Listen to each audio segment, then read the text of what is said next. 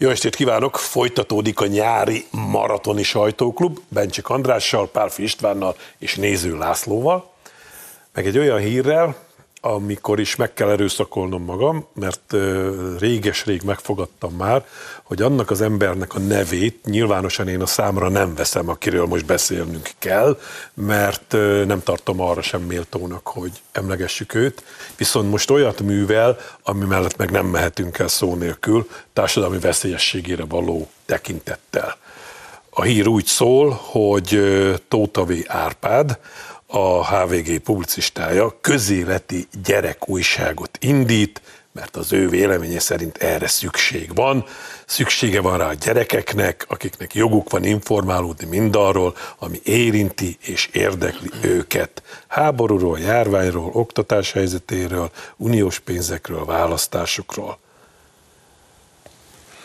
még egyet is értenék a felsoroltakkal, de hogy nem Tóta V. Árpádtól van rá szükségük, ebben halálbiztos vagyok, de én itt elhallgatok, mert cifrák jönnének ki a számon. András, tiéd a szó. Az biztos, hogy nem lesznek anyagi gondjaik, mert bár gyűjtik a mikroadományokat, de azok a bizonyos mikroadományozók valószínűleg eleve mondták, hogy ezt csináljátok meg Árpád, és lesznek adományok, ugyanis ez egy egészen elképesztően aljas és raffinált trükk arra, hogy hogyan lehet megrontani a gyerekeket. Magyarországon van egy gyermekvédelmi törvény, tehát direkt módon a gyerekekhez nem lehet fordulni. Elolvastam a honlapjukat, ahol mindent részletesen elmondanak, tehát e tekintetben első kézből tőlük származik az információ úgynevezett applikációt hoztak létre, mert arra nem vonatkoznak a médiatörvények. Az olyan, mint, egy, mint amikor mondjuk egy, egy úgynevezett GPS alkalmazást letöltök, vagy egy játékot letöltök, az, az nemzetközi semmiféle ilyen típusú, ha csak nem törvénysértő. Tehát ki akarja kerülni a, a médiatörvényt ezzel az alkalmazással, hogy ne legyen félreértés a honlapon egy kis fiú látható, akinek egy sapka van. A sapka szivárvány színű, és mögött a lufik természetesen szivár, vagyis teljesen nyilvánvaló, és arra olyan műsor, egy olyan német műsorra hivatkozik, amelyik a gyerekeket e, ugye 8-tól fölfele e, kvázi felvilágosítja, hogy hogyan kell gondolkodni az élet dolgairól. Tehát magyarul ők egy olyan, olyan szórakoztató, színes, szagos, vidám, játékos applikációt készítenek, amivel, ami, ami, amit a gyerekek vélhetőleg majd szeretni fognak. Ez nagyon-nagyon sok pénzbe kerül, és a know-how-t nem így fejlesztik ki, hanem már rég megvan valahol Amerikában vagy Nyugat-Európában, és ezen a jópofa játékos valamin keresztül próbálják a gyerekek agyát, lelkét, a érzékenyíteni őket arra a típusú gondolkodásra és világnézetre, ami Nyugat-Európát éppen most a szemünk látára teszi tönkre. Nagyon nagy veszélynek tartom, ez, ez egy sötét alak, és elképesztő felháborító, hogy ez, erre ilyen nyíltan vállalkozik. Ne legyen félreértés, ő rakta ki ezt a képet, hogy itt tehát egy homoszexuális propaganda a fő cél, az egyik fő cél. A másik fő cél pedig az, mert elmondta világos, hogy a történelmi előképei a dörmögödömötől, a pajtás, a kisdobos, vagyis a kommunista pártnak annak idején a gyerekek gondolkodását befolyásolni akaró gyereklapjai.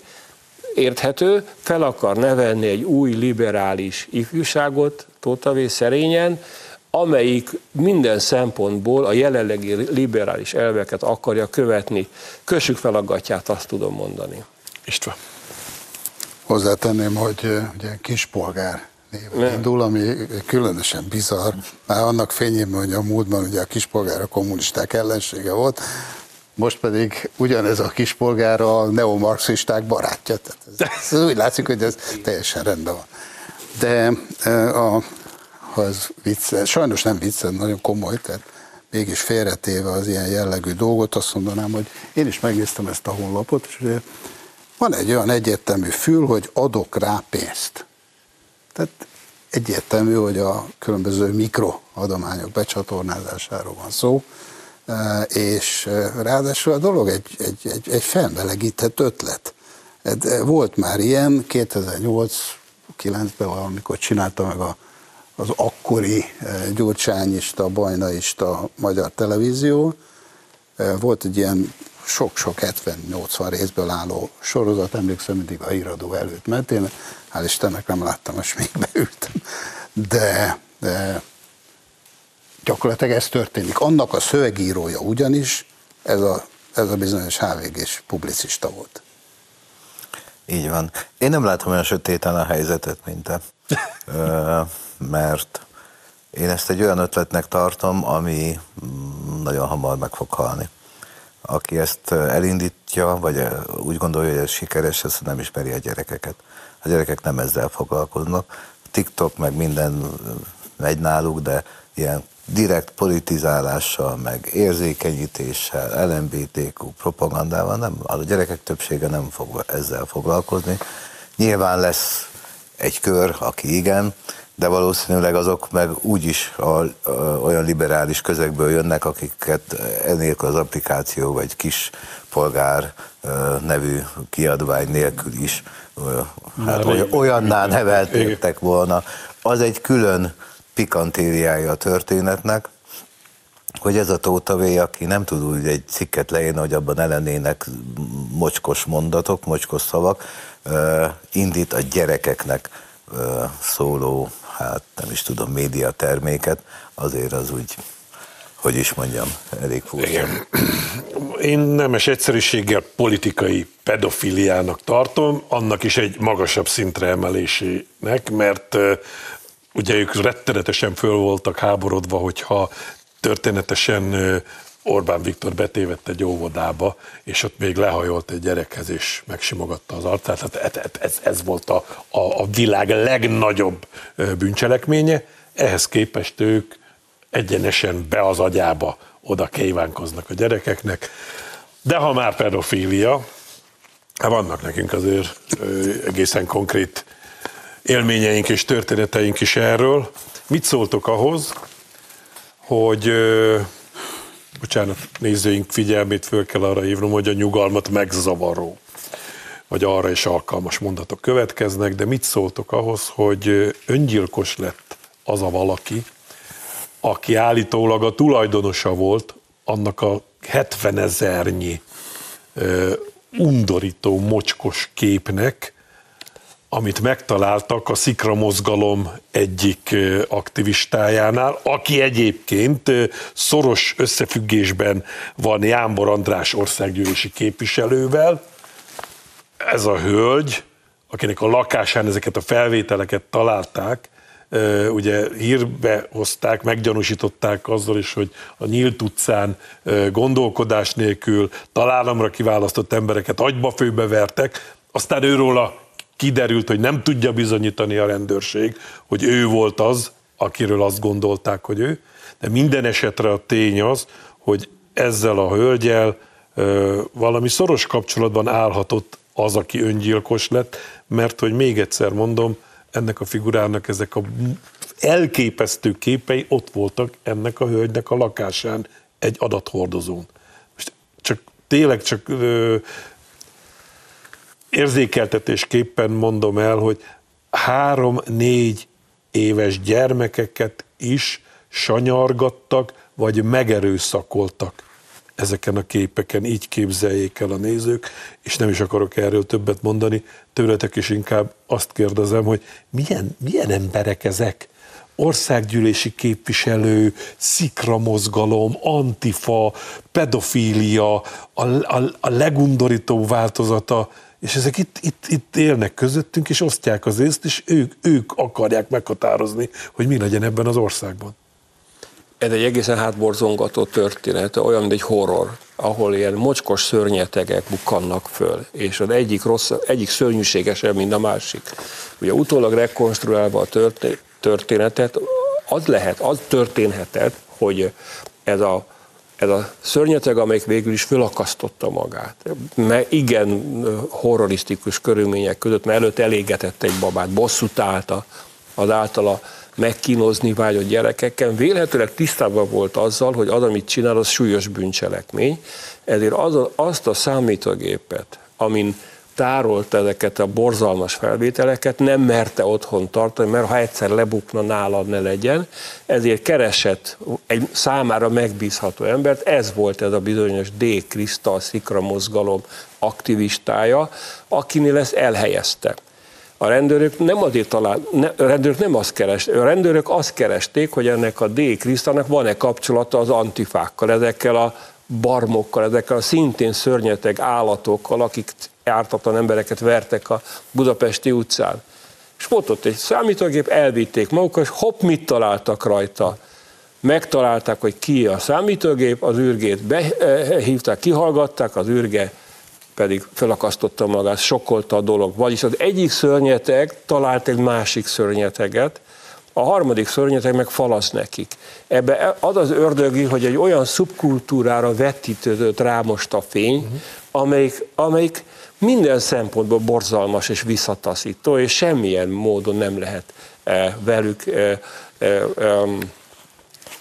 együtt létezni.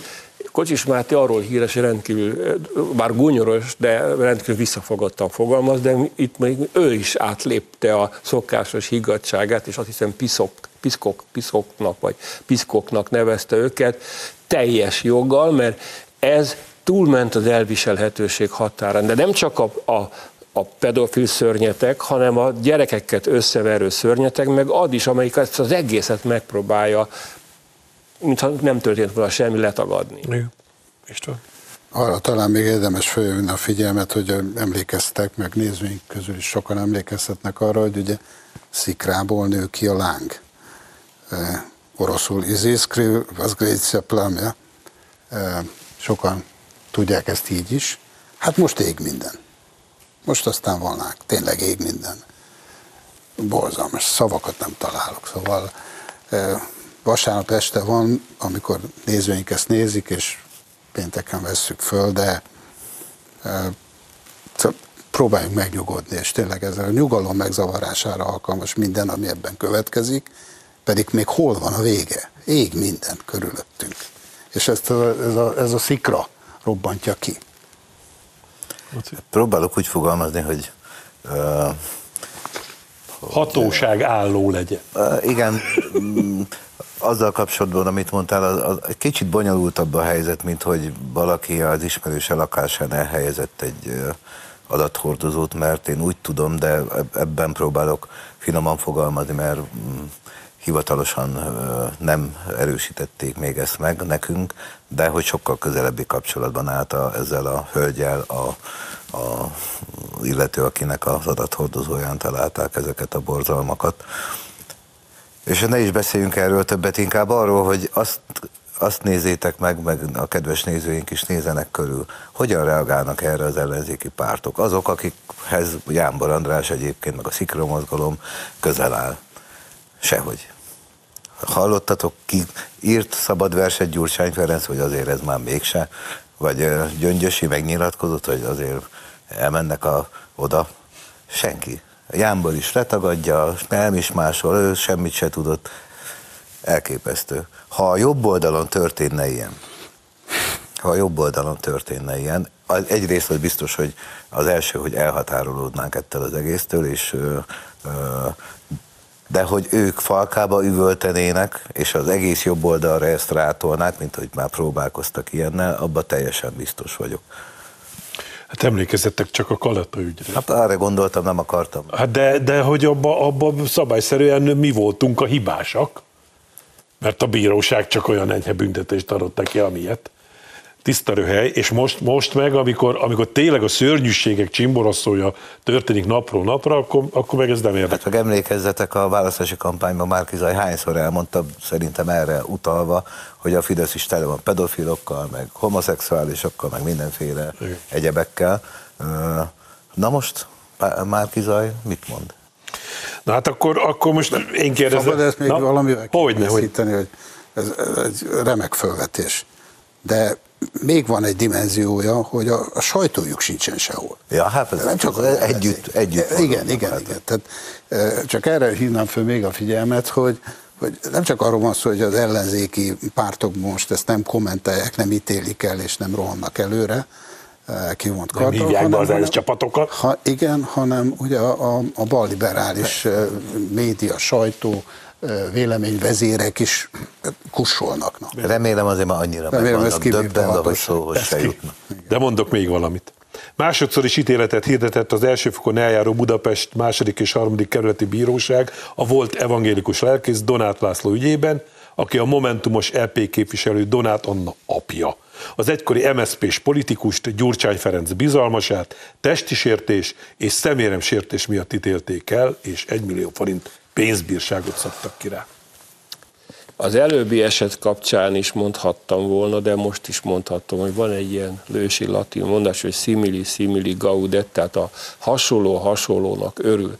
Azért nem háborognak, azért nem ö, ö, lesz ügy ebből az ellenzéki oldalon, hogy ilyen szörnyűségek történnek, mert maguk is hasonlóképpen gondolkodnak. A Donát dinasztia történet és egy kristálytiszta példája annak, hogy vannak honfitársaink és honfitársnőink, akik szemében a bűncselekmények nem számítanak. Ha én csinálom, akkor minden rendben van. És hogyha a hozzám közelálló csinálja, az is rendben van.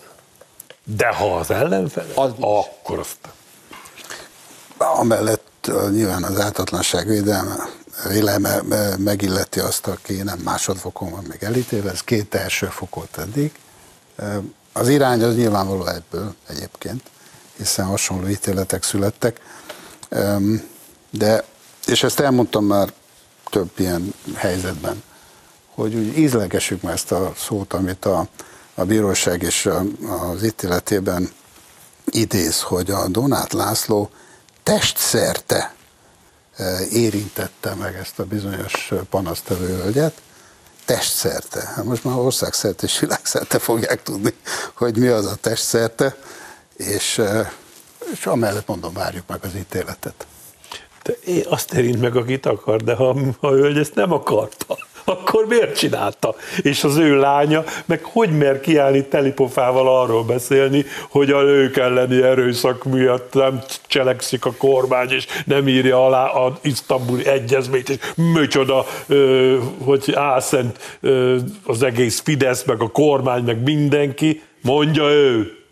Hát agyrém. Hát igen, pont ez a lényeg, mert Donát mit követett el, vagy nem követett, azt hogy a bíróság megítéli, de hogy e, sokkal kevesebb bizonyíték alapján hány embert elítél a, a baloldali politika, vagy média, vagy a külön a MeToo mozgalom, emlékezzetek rá, hogy e, micsoda e, fejek hullottak Amerikától Európaig Magyarországon is, és amikor már itt egy azért bírósági ítélet van, akkor sem hallom, hogy ezt a szegény nőt védeni a baloldali sajtó, hanem még mindig inkább Donátot próbálja, hát, hogy is mondjam, mosdatni. Miközben egyébként ugyanez a baloldali sajtó Böjte Csabán úgy ugrott rá, mint a farkas a nem tudom mire, pedig Böjte Csaba semmit nem csinál, csak a, a valamelyik nevelője elkövetett. Miért nem vette észre, miért nem lépett hamarabb, miért nem, itt miért nem rúgta És ez kapcsolódik az előző pedofil ügyhöz is, bár ugye ott nem egészen arról van szó, és nézzétek meg a baloldali sajtó nem száll le Csabára, mert újabb és újabb hazugságokat talál. Egyébként a pesti srácokon van egy egész jó összeállítás erről, hogy hogy hazudik a baloldali sajtó erről a egészről. No, van is ideje most nézőinknek, hogy erre rákeressenek, mert elmegyünk egy kis szünetre, de még ne hagyjanak itt bennünket, mert folytatódik a sajtóklub.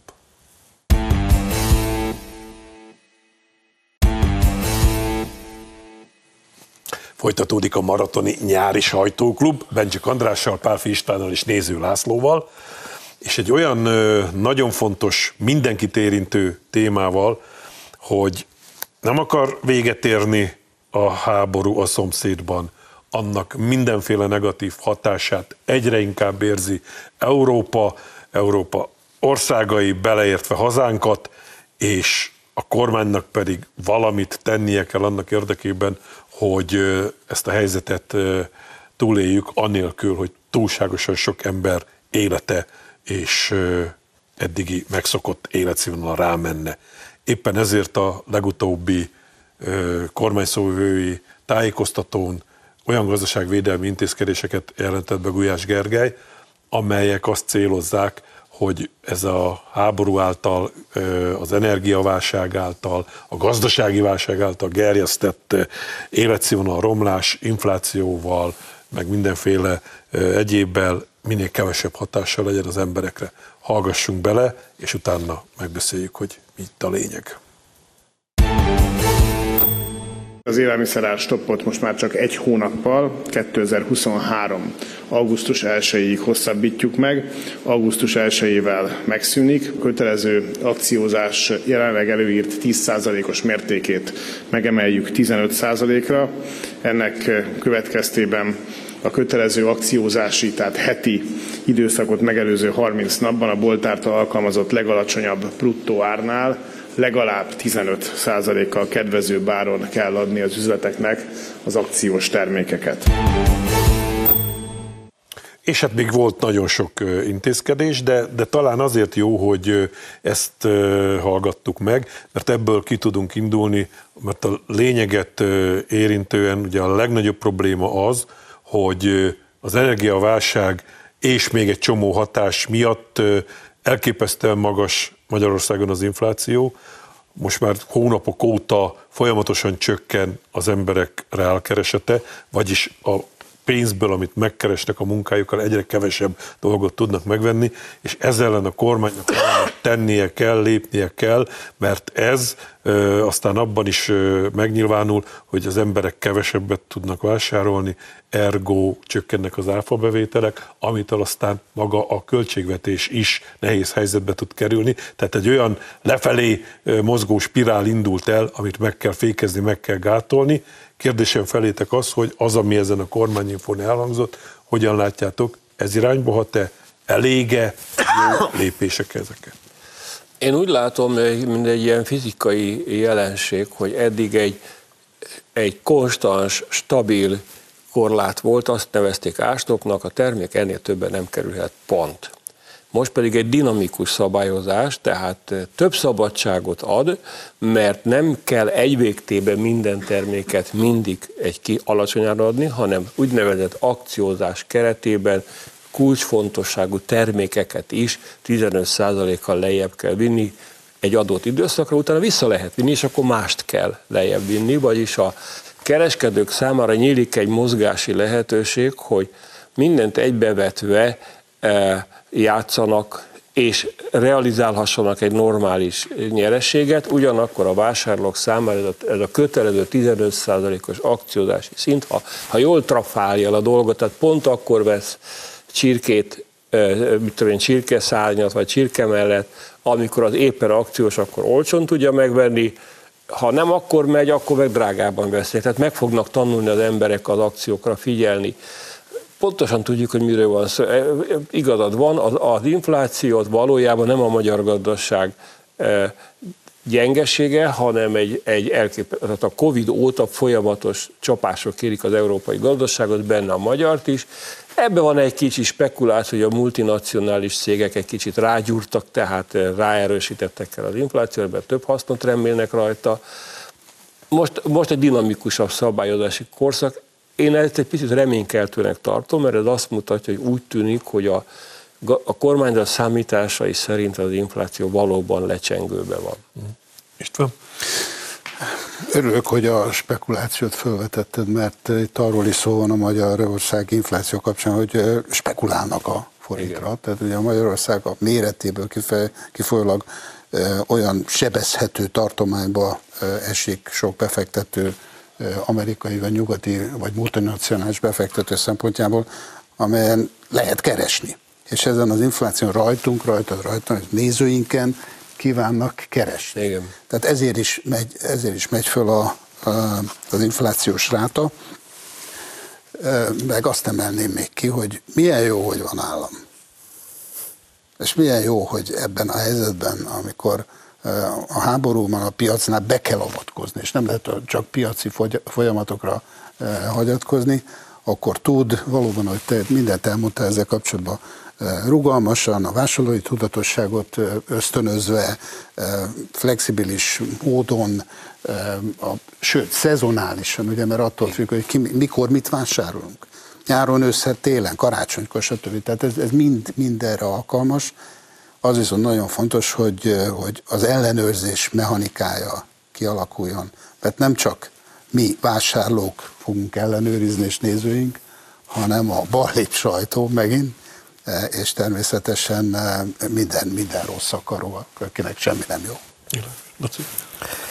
Az, én inkább azt emelném ki, hogy a, a kormányzás ugye az azt jelenti, hogy a változó viszonyokhoz alkalmazkodik a, az államot, meg az országot irányító politikai elit, és ez a dolga. Tehát azzal vádolják például a kormányt ellenzéki sajtóban is, meg politikusok is, hogy na de másfél évvel ezelőtt nem ezt ígérte Orbán Viktor, hogy nem nyúlunk hozzá a, a, a mit tudom én, a csokhoz vagy a babaváróhoz. Na de eltett másfél év, megváltoztak a körülmények, egyébként már nem is veszik fel, mert olyanok a piaci hit, vagy a hitelek, hogy nem érdemes, tehát akkor nyilvánvalóan hozzá kell nyúlni. Vagy itt van az ára már, ugye egy csomó vállalkozásnak most megkönnyítette a, a kormány az életét azzal, hogy egy fix áron tudja venni a, a, hat hónapig, ha jól emlékszem, az energiát, hogy hát azt, ahhoz is azt ígérte a kormány, hogy nem jónak hozzá, de hát most így jobban járnak ezek a vállalkozások, mintha hogy a fix árom majdnem duplájáért vették korábban az áramot, most, most az miért baj, hogy kedvez Nyilván nem lehet az egész uh, magyar vállalkozói szektorba ezt betenni, mert hát annyi pénze nincs, ez is, ha jól uh, számolnak a közgazdászok, 40-50 milliárd forintba kerül, tehát ez komoly pénz.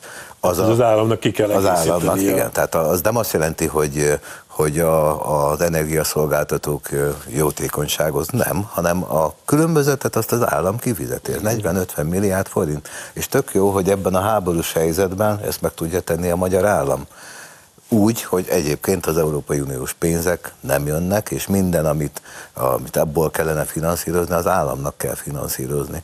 Tehát én az, azt egy nagyon jó dolognak tartom, hogy a kormány figyeli, hogy mi történik, és alkalmazkodik hozzá. Világos.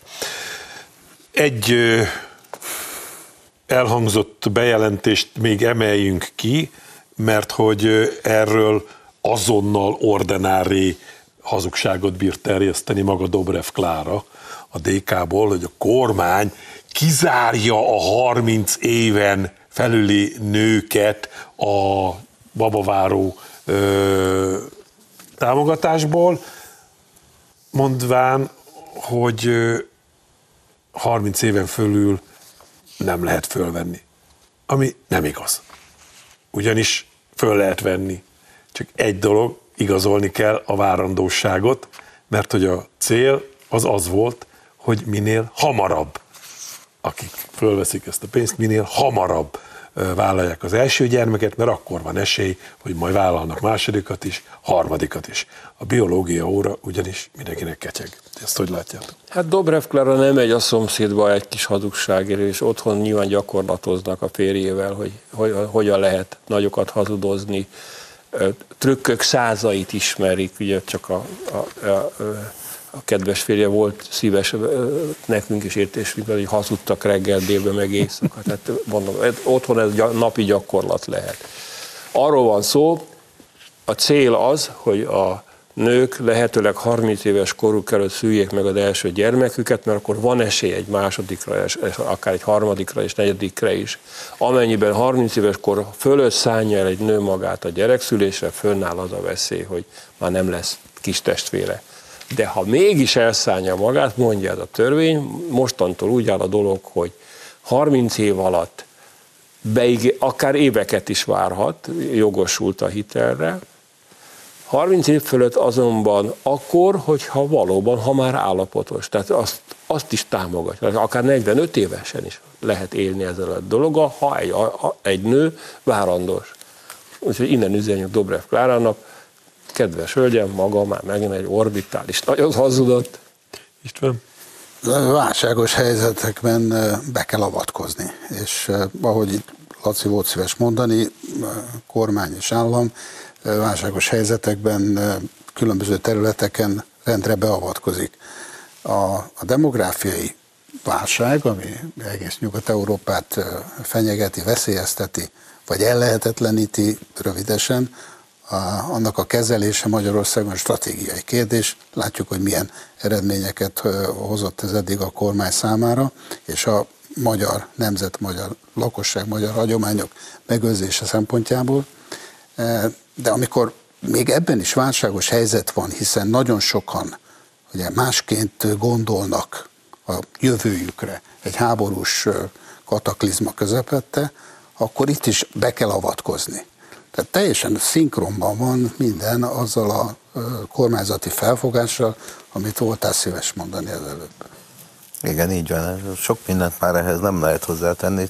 Talán csak azt, hogy, hogy ne legyen félreérthető mindez ugye jövőre tehát január 1-től érvényes, Igen. ebben az évben még minden ugyanúgy megy, ahogy eddig. Jövőre érvényes az, hogy 30 év alatti nők meg vállalhatnak hozomra, hogy így mondjam.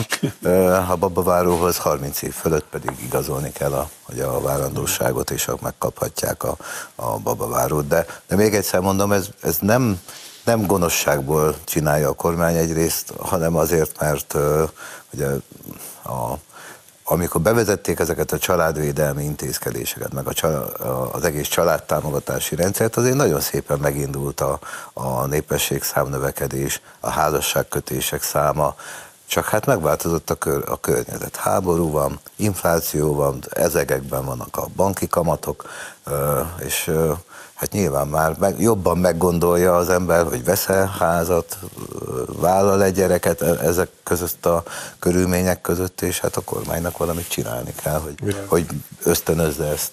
Világos. Egy dologra marad még időnk, ezt feltétlenül beszéljük meg, és előre bocsátom, hogy nem vagyok Európa Unió ellenes. Nem akarom, hogy kilépjünk. Nem vagyok Putyin párti sem, és nagyon együttérzek a ukrán szenvedő néppel, akiknek ezrével halnak meg napról napra a fiai. De azt gondolom, hogy a pofátlanságnak is van határa.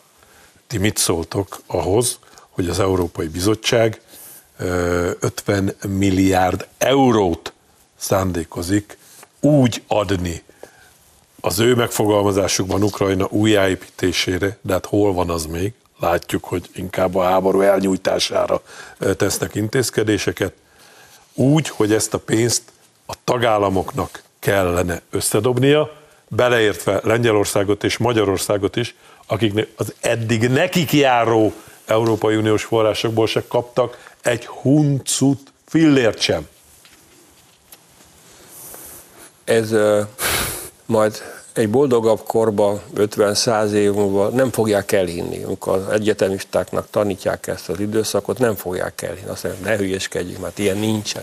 Van egy ország, ahol az állam gyakorlatilag nem működik. Semmilyen intézményrendszer nem működik egy hadi állapotban lévő ország, ahol, ahová le van írva fehéren-feketén, hogy amikor oda megérkezik egy ilyen nagyobb összegű pénz, senki nem tudja, hogy azzal a pénzzel mi történik mennyi lopódik el belőle, hogy egészen őszintén fogalmazzak, mert semmi átláthatóság, semmi kontroll nincs. Beletolják ezt a rengeteg pénzt, ennek egy része fegyver, élelmiszer, egy része pedig effektíve pénz, aztán az történik, ami történik.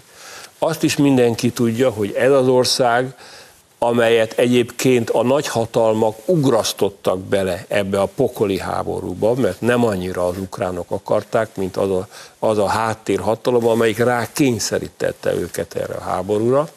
Ez az ország gyakorlatilag, ha nem kap segélyt, már pedig rohadt sok pénzt kap Európától is, akkor nem, másnap megállna az, megállna az élet, nem tudnának létezni az emberek.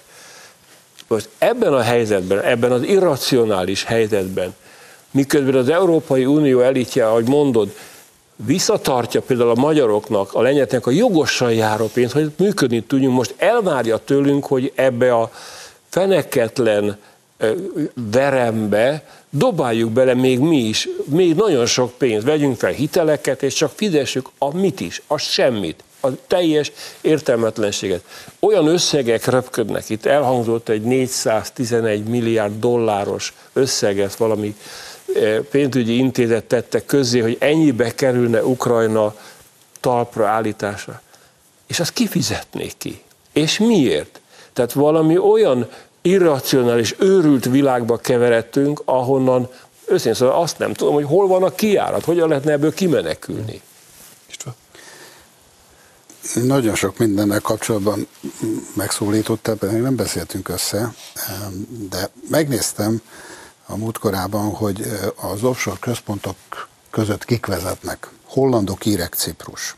Ez Európai Uniós rangsor. És hogy az offshore kiveszít a legtöbbet, oroszok, magyarok, ukránok, lengyelek. Na most.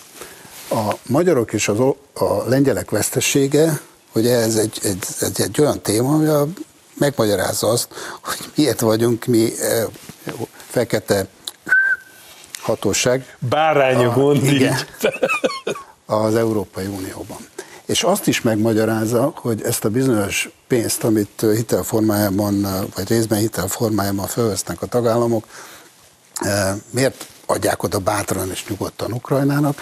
Tudnék, amíg Ukrajna az offshore vesztese, addig az offshore-nak van nyertese is, azok pedig azok a multinacionális globális cégek, amelyek az Európai Unió mögött állnak, és azok menekítik ki offshore-ba ezeket a pénzeket, tehát gyakorlatilag egy transfert finanszíroznánk.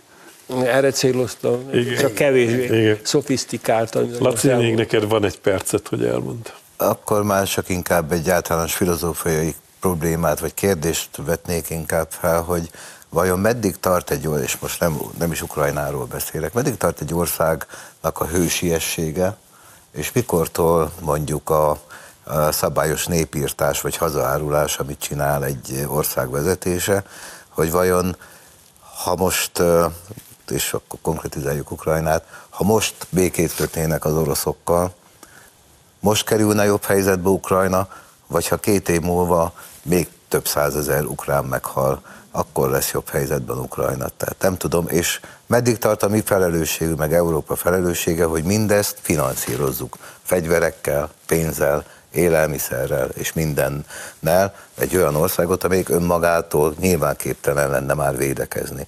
Tehát ebben nekünk is felelősségünk van, nem nekünk konkrétan, már hál' Istennek mi ebben nem veszünk részt, de Európának igen, meg Amerikának. Hetek óta mondjuk, hogy azonnal hagyják abba. Ennek nem lehet feltétele semmi, hogy abba hagyják. Aztán üljenek le, és beszéljék meg a feltételeket, amelyek alapján majd békét kötnek.